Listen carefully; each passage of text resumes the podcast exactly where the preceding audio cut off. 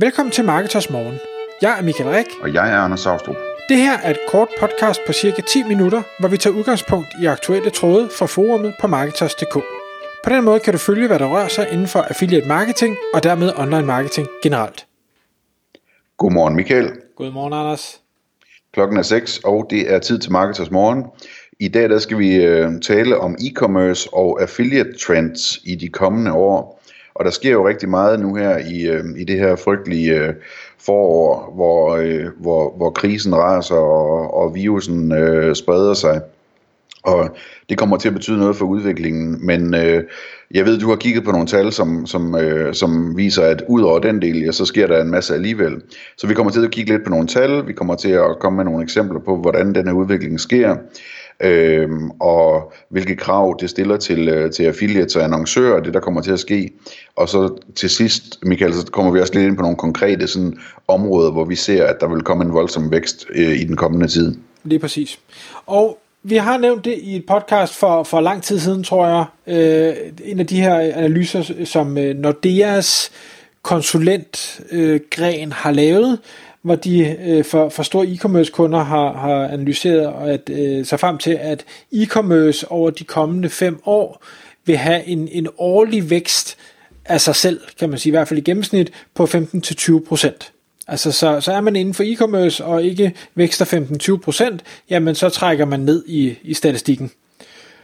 Og det synes jeg jo er, er super spændende selvfølgelig, fordi vi arbejder med online, og fordi affiliate øh, og e-commerce hænger så tæt sammen. Så, så den del er, øh, er spændende. Men med det her forfærdelige øh, forår og sygdom og nedlukninger af, af alting, så tror jeg, fordi den her analyse var fra lavet i, i 2019, øh, at vi har skubbet til den i en positiv retning, forstået på den måde, eller ikke positiv, det kommer an på hvor øjnene, der ser, men vi har i hvert fald skubbet til hastigheden af, hvor hurtigt det her e-commerce det kommer til at udvikle sig. Fordi når nu man sidder hjemme, og man ikke må gå i, i fysiske butikker, jamen så øh, bliver du nødt til at handle på nettet. Og derfor har vi også set øh, sal, hvad hedder, masser af cases med, med online salg, der bare er, er eksploderet.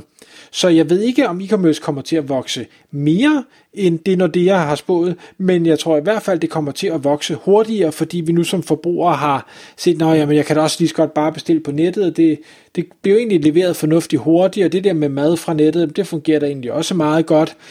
Øhm, og så samtidig så har langt flere virksomheder fået øjnene op for, hvor ekstremt vigtigt det er at være online, øh, og derfor begyndt at satse endnu mere der øh, og sige, hvis jeg er online, hvordan gør jeg det så bedre? Hvordan kan jeg håndtere det pres, der kommer? Men endnu vigtigere måske, hvis jeg ikke er online, hvordan søren kommer jeg så online og gør det hurtigst muligt? Fordi øh, det her med ikke at have kunder i det, det lever man ikke ret længe af. Vi kan måske lige skyde ind sådan med, et, øh, med et eksempel på, hvad, hvad det er, vi taler om her. Øh, vi har begge to talt med en, øh, en fiskeforhandler, som øh, sælger fisk online. Øhm, og, og sådan for at give et billede af, hvad det er, der foregår. Ikke? Altså, man kan forestille sig, at man normalt går ned i sin øh, fiskehandler på torvet, eller, eller ved havnen, eller hvad ved jeg, og, og køber sin friske fisk. Og så under den her lockdown her, jamen der, øh, der, der prøver man at bestille fisk, fordi man ikke øh, bryder sig om at gå udenfor, eller ikke må, eller hvad ved jeg. Øhm, og, og så bestiller man hos den her fiskeforhandler, som selvfølgelig er fantastisk dygtig og har super lækker frisk fisk. Øhm, og de bliver sendt til tiden og pakket i øh, flamingokasser og er frisk og koldt og det hele, så er det jo klart, at, at øh, når først man har prøvet det en gang, og den fisk den var mindst lige så god som den, man skulle ned og hente, at der vil være en stor andel af kunderne, som øh, fremover bare bruger den her forhandler, øh, fordi det faktisk er nemmere og, og hurtigere, og måske endda også billigere. Øhm, og så, altså, der er meget af den der ting med, at når først man har handlet et sted en gang, så er det godt nok nemt at gå tilbage og, så, og lægge en ordre mere, når man har den tillid, og måske kan de endda huske ens kreditkort og ens adresse og hvad ved jeg. Øhm, det betyder utrolig meget, så det, der, der er meget af det der med sådan, at, at øh, det er det samme med online supermarkederne. Ikke? Altså, der er rigtig mange, der aldrig har bestilt hos en online supermarked før, men nu har de prøvet det, og nu har de en konto, så de bare kan gøre det igen, øh, og indkøbslisten måske er klar. Ikke? Og i forhold til de her virksomheder, øh, som ikke øh, har været online, så har, har jeg i hvert fald lagt mærke til en, en tendens, som jeg synes er, er super positiv, men måske også både lidt, lidt fejlkastet og for sen.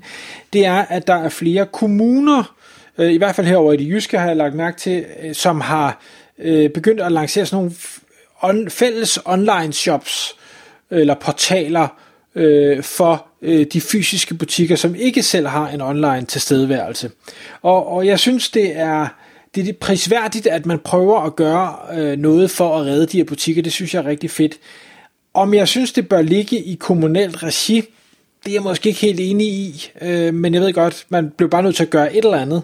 Men, men vi skriver trods alt 2020, og selvom at jeg har ondt af alle, der smerter ved det her, så, så kan jeg også godt lide at stikke lidt til folk, der har en fysisk butik og ikke har en online tilstedeværelse, for jeg synes, det er så, det er så forkert i det samfund, vi lever i i dag, at man ikke ligesom ser det som en salgskanal, som man bliver nødt til at være på.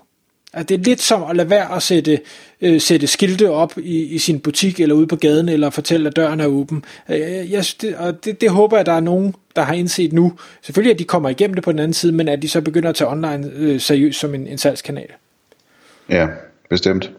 Og jeg kan fortælle øh, fra, øh, fra Kyberen, hvor jeg bor, at øh, der har jeg set noget lignende, men altså ikke på kommunalt niveau, men selvfølgelig, vi ser jo også, at kommunerne går ind og hjælper med alle mulige nye ting. Øh, der, er jo, der er jo sådan en krisestemning, ikke?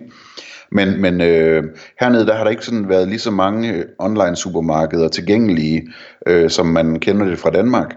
Øh, der har bare været et par stykker, og de blev lynhurtigt overvældet. Selvfølgelig, det var sådan relativt små butikker før. Og, og hvor de store kæder, så nogle af dem, de har bare sagt, jamen, du kan bare ringe din ordre ind. Øhm, det kan min far også i Danmark øh, til sin lokale brug, så ringer man bare, og så kommer det. Øhm, men hvad hedder det, øh, vi har også set et meget, meget stort supermarked, som ville med på den her online-bølge, og, øh, og simpelthen ikke øh, altså, kunne nå at lave deres egen webshop.